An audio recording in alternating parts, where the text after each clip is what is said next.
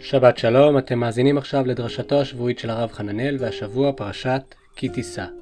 מיד לאחר הדרשה נשמע עוד לחן לפיוט ידיד נפש, לחן של הרב גינסבורג, בביצוע יצחק גוטמן לויט, הרב רז הרטמן ושותפים נוספים. שבת שלום והאזנה נעימה.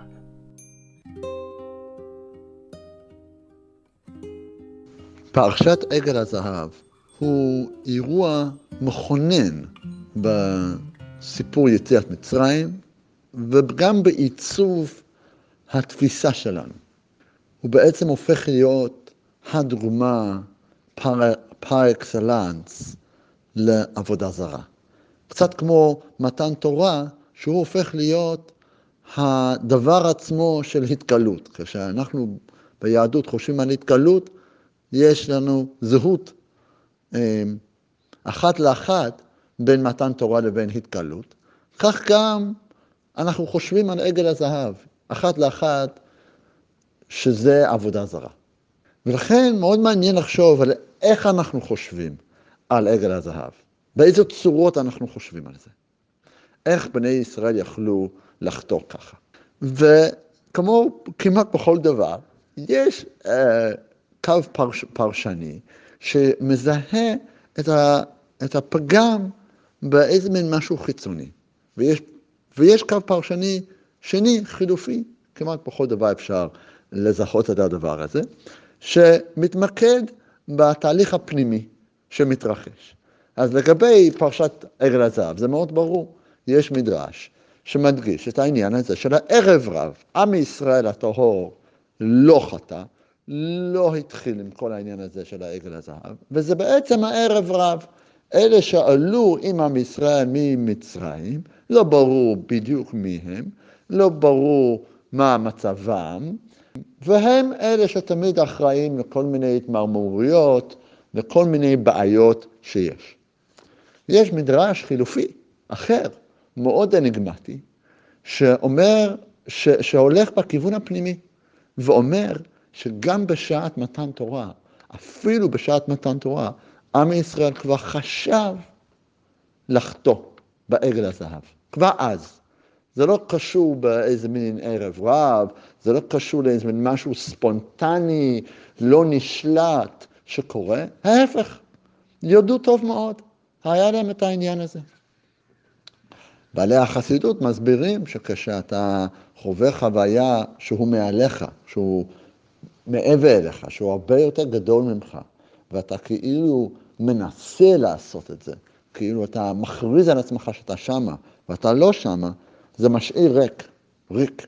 והריק הזה, העגל הזהב הוא מה שממלא אותו.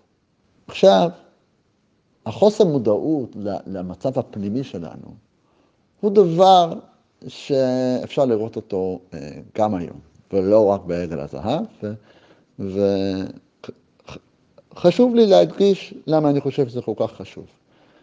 השבוע הזה הדגשנו, או הגיע אלינו הנושא של שומרי הסף. כן, אנחנו כל הזמן עוסקים, לא כל הזמן, אבל משקיעים הרבה אנרגיות על, אה, לגבי שמירת השער. שומרי הסף כאלה, שומרי הסף כאלה, אחרים. כן?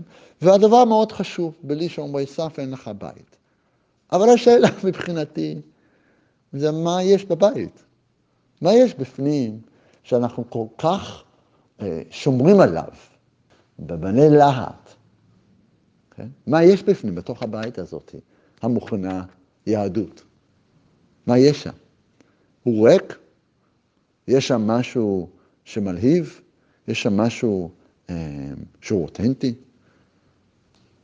אני באמת שואל את עצמי את הדבר הזה. אה, בואו ניקח כמה דוגמאות, שאני חושב שהן דוגמאות שאנחנו לא, לא מספיק בעיניי משקיעים בהן מחשבה יצירתית, אמיתית, כנה. ניקח את מושג כמו עם סגולה. כן? בשביל זה אנחנו שומרים על הדלת לכאורה, כדי להיות עם סגולה, עם של הקדוש ברוך הוא. אז מה זה עם סגולה? מה אני, אני, אני מיישם את זה, אם אני מסתכל על מדינת ישראל, על היהדות של מדינת ישראל, אני יכול להגיד שזה מתרחש? אני יכול להגיד שאותו עם סגולה, אנחנו נוהגים אחרת, המדינה, החברה פועלת אחרת בתחום של מכירת נשק. בתור דוגמה קטנה, הדבר הזה נוגע בי באיזושהי צורה, או שזה מין משהו, פת, uh, פתגם כזה, זה מין משהו במפר סטיקר שאני שם על הרכב ואני מרגיש יותר עליון ממישהו אחר, מכיוון שאני אומר על עצמי שאני עם סגולה. לגבי העשייה הדתית שלנו, כן? מקוצקה אומר, הקדוש ברוך הוא נמצא איפה שאתה נותן לו מקום, אז אנחנו באמת נותנים מקום?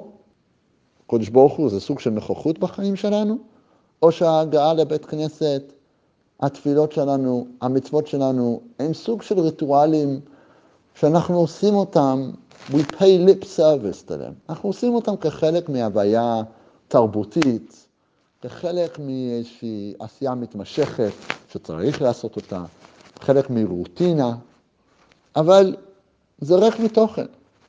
אז אם באמת אין הרבה נפקא מינות להיות אדם דתי מוסרי, עובד את הקדוש ברוך הוא, אם אין הרבה דברים בתוך הבית, לא, לא כל כך ברור לי למה משקיעים כל כך הרבה מאמצים על שמירת הדלת. ואם אנחנו חושבים שיש דלת מקדימה, ויש דלת מאחורה, ויש חלונות, ויש בית, אז כדאי, אני חושב, להשקיע בעצמנו, ולהתחיל לשים כל מיני דברים יפים בתוך הבית. שולחן, תמונות, ספרים. שבת שלום. נפש, אהבה רחמן, משוך עבדך אל רצונך, ירוץ עבדך כמו